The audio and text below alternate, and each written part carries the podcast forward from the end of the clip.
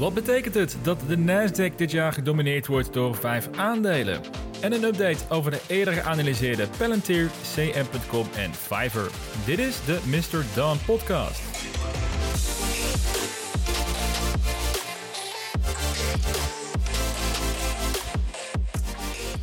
Leuk dat je luistert naar deze aflevering. Mijn naam is Jasper en in deze podcast focussen we ons op investeren in innovatieve groeibedrijven. En in de vorige aflevering heb ik het uitgebreid gehad over het sentiment in de markt. Waarbij er een hoop beleggers het gevoel hebben dat er een crash aan zit te komen. En als een soort too long didn't listen versie van die aflevering. Nou, mijn standpunt is, is dat er al een, eh, al een correctie eigenlijk heeft plaatsgevonden in de small en mid-cap bedrijven. En eigenlijk ook wel gewoon het gros van de aandelen. Met uitzondering van een aantal megacaps. En dat zijn bedrijven die 200 miljard dollar of meer waard zijn. En daarover kom ik vorige week een interessante statistiek tegen. Namelijk dat het gros van de Nasdaq-prijsstijging dit jaar... dat het voortkomt uit slechts vijf aandelen. Nou, daar ga ik het zo meteen over hebben. Want dat kan natuurlijk een interessante toevoeging zijn aan de aflevering van de vorige week. Dus als je die nog niet hebt beluisterd, is het allicht de moeite waard om hierna die aflevering toch alsnog te beluisteren. Maar ondanks dat het interessant is om een open blik te houden over de beurs aan zich, ja, focussen ons in deze podcast natuurlijk vooral op de lange termijn investeringen. Dus of de beurs de komende maanden met 30% daalt of niet, ja, dat maakt eigenlijk niets uit voor de manier waarop we willen investeren. Maar het kan dus wel enorme kansen bieden. Vandaar dat ik in deze aflevering ook een blik ga werpen op drie aandelen die eerder in deze podcast uitgebreid zijn geanalyseerd, maar dan op basis van de recente kwartaalresultaten en de huidige waardering. Want het zou best kunnen zijn dat een paar aandelen die destijds te hoog gewaardeerd werden, en waarbij ik nog een, een had over de toekomst ligt, dat die inmiddels wel interessant zijn geworden. En zonder dat het te uitgebreide analyses worden overigens, want zojuist heeft onze vriend Max Verstappen de race in Abu Dhabi gewonnen. Nou, en ik wil vanavond ook graag nog even de tijd nemen om met een whisky te kunnen proosten op het Nederlands succes. Volg mij trouwens op Twitter onder de naam MrDawnNL als je ook door de week wilt weten waar ik mee bezig ben. Of als je het leuk vindt om in contact te komen en ideeën uit te wisselen. En verder is deze podcast bijna één jaar geleden begonnen. Dus over een maandje kan ik een, eh, een jubileumfeestje geven. Dus als je deze podcast wilt steunen, nou, dan zou ik het uiteraard waarderen als je een aflevering van deze show wilt delen op je social kanalen. Zodat er meer mensen met interesse in beleggen hier in aanraking mee komen. En dan nog uiteraard de gebruikelijke disclaimer. Dit is geen financieel advies. Doe altijd je eigen onderzoek en beleg alleen met geld dat je voor een langere tijd kunt missen. Vorige week kwam ik dus een interessante statistiek tegen. En dit jaar is de Nasdaq met 56% gestegen. En de gemiddelde prijsstijging van de Nasdaq sinds januari 2012 is ongeveer 23% per jaar. En dat is dus ook tijdens een geweldige bullrun. Dus dit jaar doet de index het 2,5 keer beter dan het gemiddelde tijdens een ongekende periode van koersstijgingen. Ja, dat is iets wat niet vol te houden lijkt. In ieder geval niet in normale omstandigheden. Maar goed, met de hoogste inflatie sinds 40 jaar zijn dit natuurlijk ook geen normale tijden. Dan wordt het geld sowieso al steeds minder waard. Maar dat is al een opvallende statistiek. Maar wat minstens zo opvallend is, is waaruit deze 56% stijging in de Nasdaq dit jaar uit wordt opgebouwd. Want meer dan de helft van het rendement dit jaar voor die index is namelijk te danken aan vijf aandelen. En dat is Microsoft, Apple, Nvidia, Google en Tesla. En op een forse afstand van deze vijf, ja, dan pas krijg je namen zoals bijvoorbeeld Facebook en Amazon. En dit feit ja, versterkt mijn gedachte van de vorige aflevering, namelijk dat de indices overeind gehouden worden door de megacaps, waar nog geen correctie in heeft plaatsgevonden dit jaar. Sterker nog, deze vijf aandelen presteren eigenlijk het hele jaar al vrij constant, nou, tot eigenlijk wel uitstekend te noemen. Nvidia is dit jaar met 135% in koers gestegen, Google is met 71% gestegen, Microsoft met 57%, Apple met 39% en Tesla met 36%. Nou, nu zijn er wel meer aandelen die dit jaar met zulke percentages zijn gestegen, dus waarom is dit nu zo opvallend? Nou, de voornaamste reden is de waardering die deze bedrijven al hebben. Normaal gesproken is de waardering van een bedrijf gebaseerd op resultaten zoals omzet, eh, netto winst of de, de groei die ze verwachten te gaan maken of al maken. En het is nu eenmaal veel makkelijker voor een bedrijf om van 100 miljoen euro omzet naar 200 miljoen euro omzet te gaan, dan dat ze van 100 miljard naar 200 miljard euro omzet moeten gaan. Vandaar dat megacaps, of ook wel blue chip companies genoemd, ja, vaak gezien worden als een meer solide investering met vrij weinig volatiliteit in de koers, omdat de resultaten altijd vrij voorspelbaar zijn van dit soort bedrijven.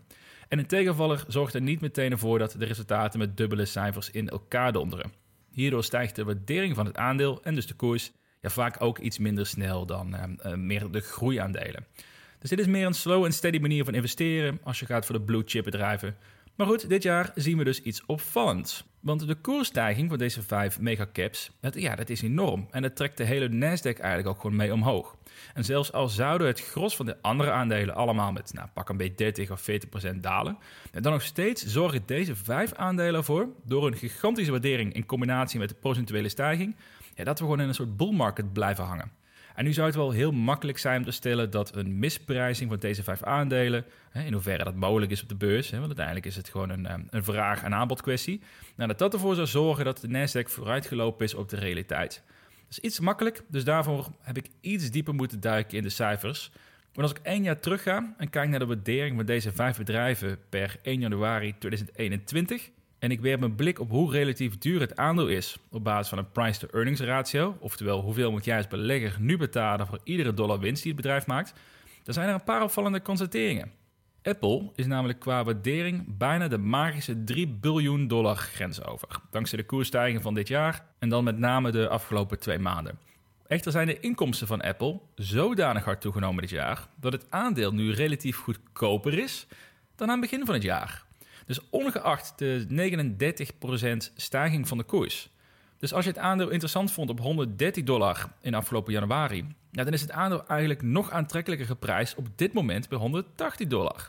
Tenminste, als we puur kijken op basis van de price to earnings. Wat uiteraard maar één manier is om naar de waardering te kijken. Maar laten we onszelf vooral makkelijk houden voor het onderwerp. Want we hebben al meer dan genoeg cijfers om te lopen in deze aflevering. Dus Apple is eigenlijk een aantrekkelijker aandeel nu dan bij het begin van het jaar. Hoe staat het dan voor met Google? En dan zie je eigenlijk hetzelfde verhaal.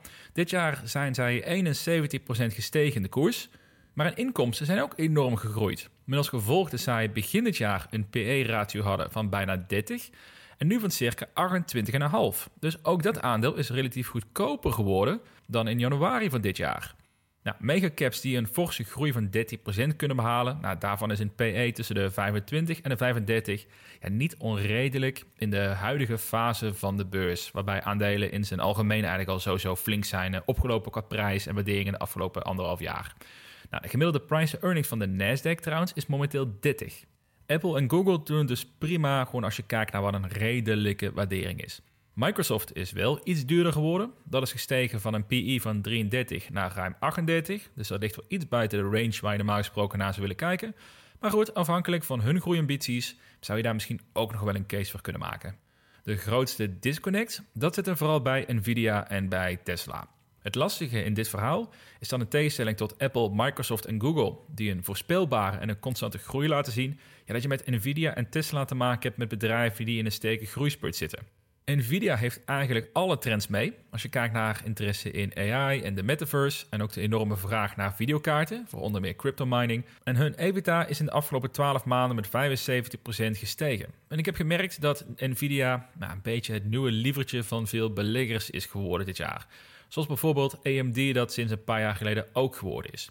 Nou, voor Nvidia-aandelen betaal je nu 78 keer de earnings. Een jaar geleden was dat 75 keer. Dus het aandeel is niet veel duurder geworden, relatief gezien. Maar goed, het blijft natuurlijk wel echt een enorme stevige waardering. Dan gaan we naar de koningen van alle stevige waarderingen. Tesla, die heeft momenteel een PE van 328. Een jaar geleden was dat nog 1100. En dat is natuurlijk echt een ongekende waardering. Nou, relatief gezien is Tesla nu allicht goedkoper dan begin van het jaar.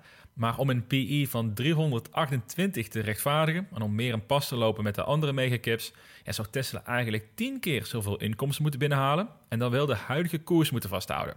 Dus of een omzet moet gigantisch toenemen en of hun marges moeten voorstijgen. Ja, in dit geval is denk ik zelfs een combinatie van beide nodig.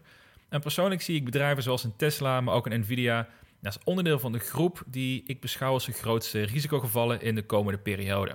Natuurlijk, als de beurs de opmars blijft volhouden en het bullish sentiment blijft hangen, ja, dan kunnen bedrijven in koers blijven stijgen.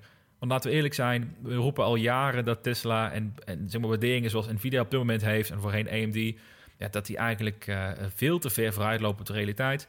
Maar als je kijkt naar de koersontwikkelingen van de laatste jaren, nou, de mensen die vroegtijdig in Tesla zijn ingestapt, of laten we zeggen eigenlijk al uh, sinds 2017 in Tesla zitten, dat is niet eens zo heel lang geleden, nou, die hebben tot nu toe behoorlijk gelijk gekregen. Dus power to them, zou ik zeggen.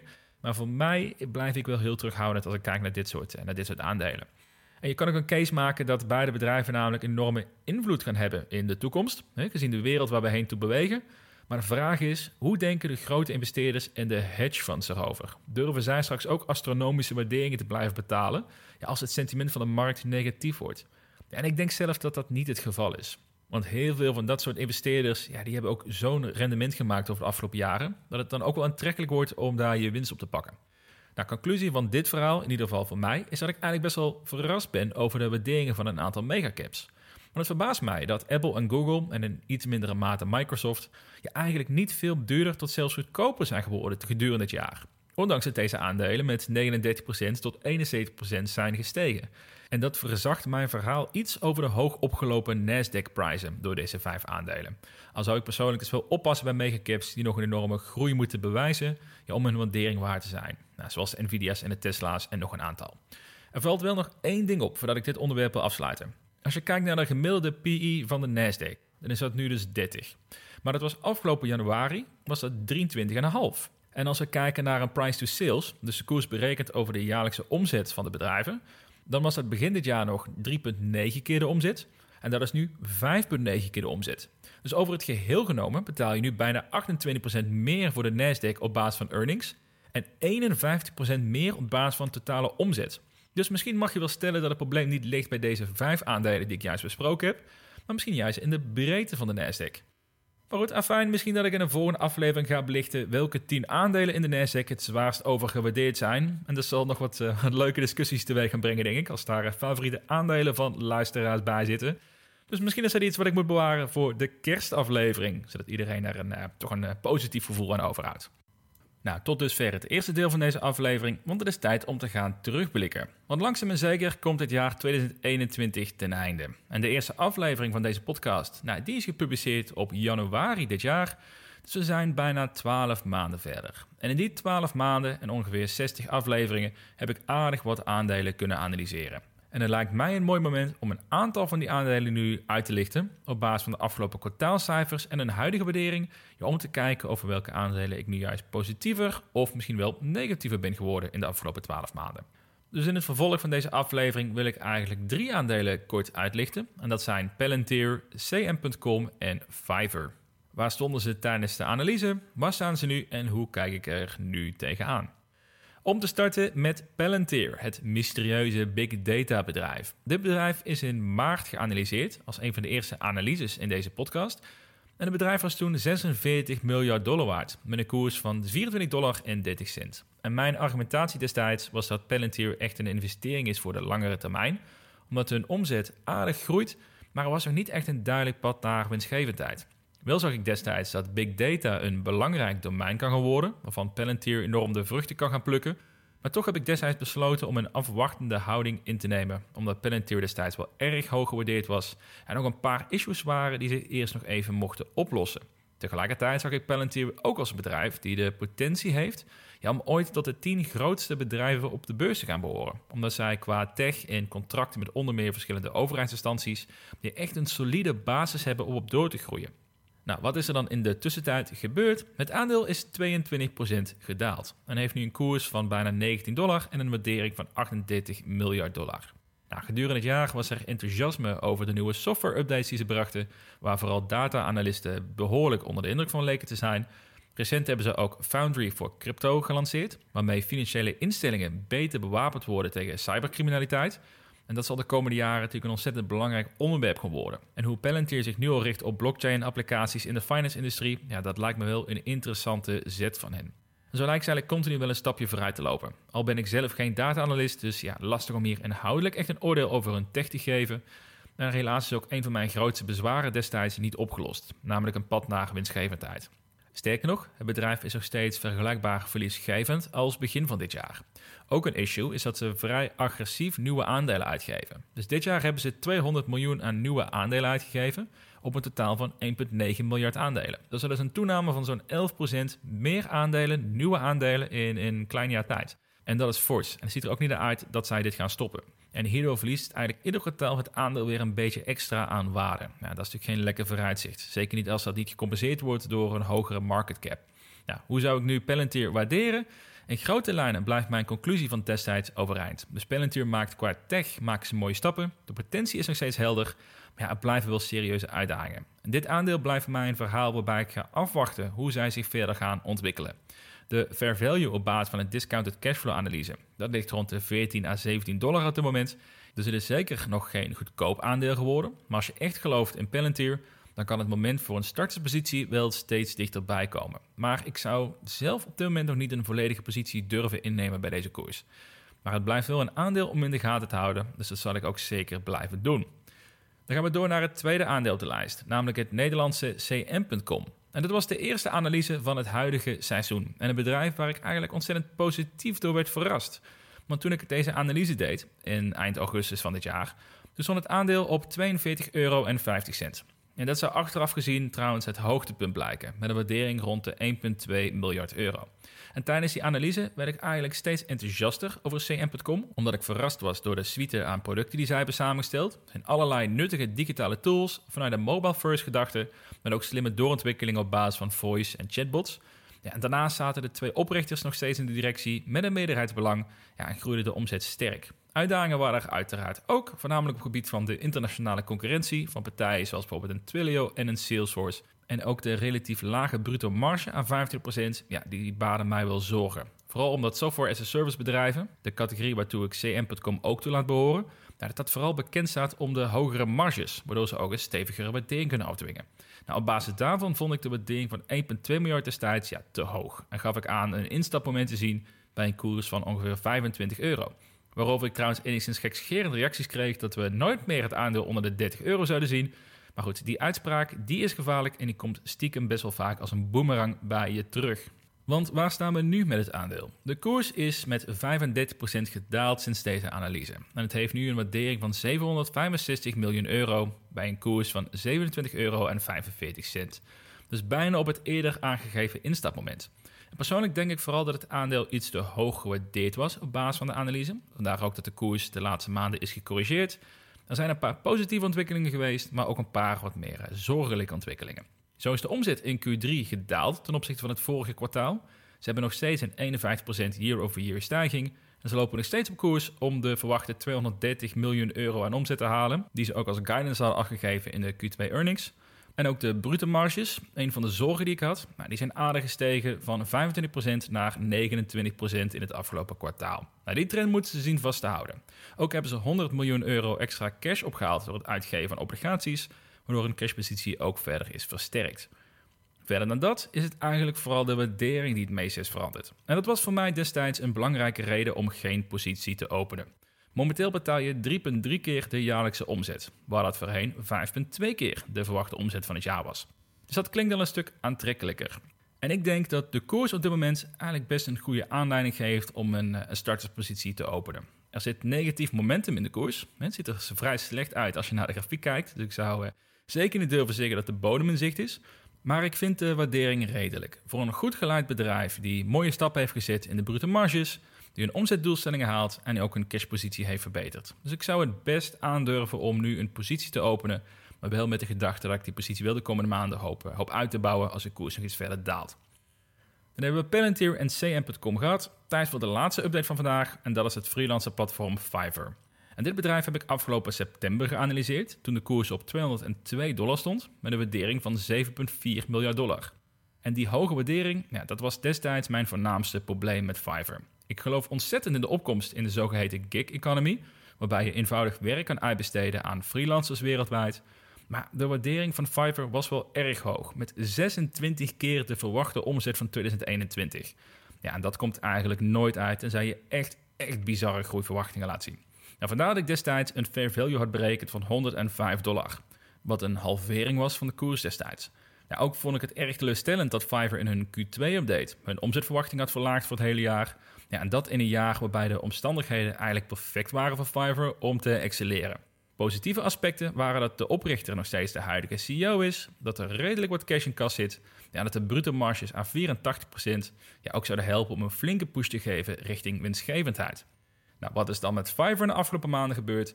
Je verwacht het niet, maar ook hier is de koers met 37% gedaald. Van destijds 202 dollar naar een huidige koers van 127 dollar. Wat een waardering van 4,6 miljard dollar betekent. En dat is een flinke terugval in een paar maanden tijd. En als je kijkt naar geheel 2021, nou, dan wordt het verhaal nog iets pijnlijker. Want Fiverr is 60% gedaald vanaf het hoogtepunt in februari. Oftewel een typisch groeiaandeel die dit jaar behoorlijk door de mangel is gehaald. Enigszins terecht na hun matige Q2-earnings, al hebben ze dat enigszins hersteld in het afgelopen kwartaal. In die update hebben ze namelijk hun omzetguidance licht verhoogd van 288 miljoen dollar naar 295 miljoen dollar omzetverwachting dit jaar. Maar vooral de hogere EBITDA-verwachting, nou, die was positief. Namelijk van een verwachte 14 miljoen dollar aan EBITDA naar 21 miljoen dollar. Nou, en dat is een broodnodige stap, want Fiverr zal moeten aantonen dat ze uiteindelijk winstgevend kunnen worden. Zeker in de markt waarin we nu zitten, waar groeiaandelen hard worden afgestraft, en dat het waarschijnlijk is dat verliesgevende bedrijven de komende tijd een lastige periode op de beurs tegemoet zouden kunnen gaan zien, onder meer door de verwachte verhogingen van de rente. Een ander positief punt is dat ze Stoke Talent hebben overgenomen. Dat is een freelance management tool die een mooie toevoeging kan zijn voor bedrijven die regelmatig met Fiverr freelancers willen samenwerken. En hiermee kruipt Fiverr iets dichter tegen een concurrent Upwork aan. Ondanks dat het aandeel flink is afgestraft dit jaar, blijft de waardering wel echt ontzettend hoog. Er zijn positieve ontwikkelingen, maar niet zodanig dat ik mijn analyse van september ga aanpassen. Destijds wilde ik eerst een duidelijk pad naar winstgevendheid zien en bewijs dat ze hun omzetgroei konden vasthouden. Nou, mijn koopdoel in september was 80 dollar en ik zie nog steeds geen reden om hiervan af te wijken. Maar het blijft wel een aandeel op mijn wishlist. Nou, nu ik een, uh, een, korte recap heb gedaan van deze drie eerder genoemde aandelen, en ik merk dat ze allemaal zo'n 20 tot 40 procent zijn gedaald, nou, moet ik misschien toch maar een fonds gaan opzetten die short gaat op mijn analyses. Nou goed, dan laat ik er maar troost uithalen dat ik pas bij één aandeel dit jaar het, het een directe buy vond. En dat was PubMatic. En dat aandeel is vanaf dat moment wel met 35% gestegen. Dus dat geeft mij nog een klein beetje een warm kerstgevoel van binnen. Maar als je samenvat die drie aandelen die ik net besproken heb, eigenlijk Palantir komt steeds dichter bij een aankoopmoment. CM.com zou ik eigenlijk al beschouwen als een, als een voorzichtig aankoopmoment met de huidige koers. En Fiverr, ja, die zal toch echt nog wat stapjes moeten zetten. Maar het is wel een super interessant bedrijf om in de gaten te blijven houden. Maar daarin dus nog iets te weinig ontwikkelingen om mijn, uh, mijn sentiment daarop aan te passen. Het is tijd om deze aflevering af te ronden. Alvast een heads-up. Volgende week wordt de laatste aflevering van dit jaar. Daarna is het namelijk kerst en nieuwjaar. Dus een moment voor mij om even te relaxen na bijna 60 afleveringen dit jaar. Er is nog één aflevering te gaan in 2021. Luister je via Apple Music, dan zou ik het waarderen als je deze podcast een score wilt geven. Ik zou het tof vinden als je deze podcast deelt met vrienden die ook willen leren hoe ze kunnen investeren in groeiaandelen. Bedankt voor het luisteren en graag tot de volgende aflevering.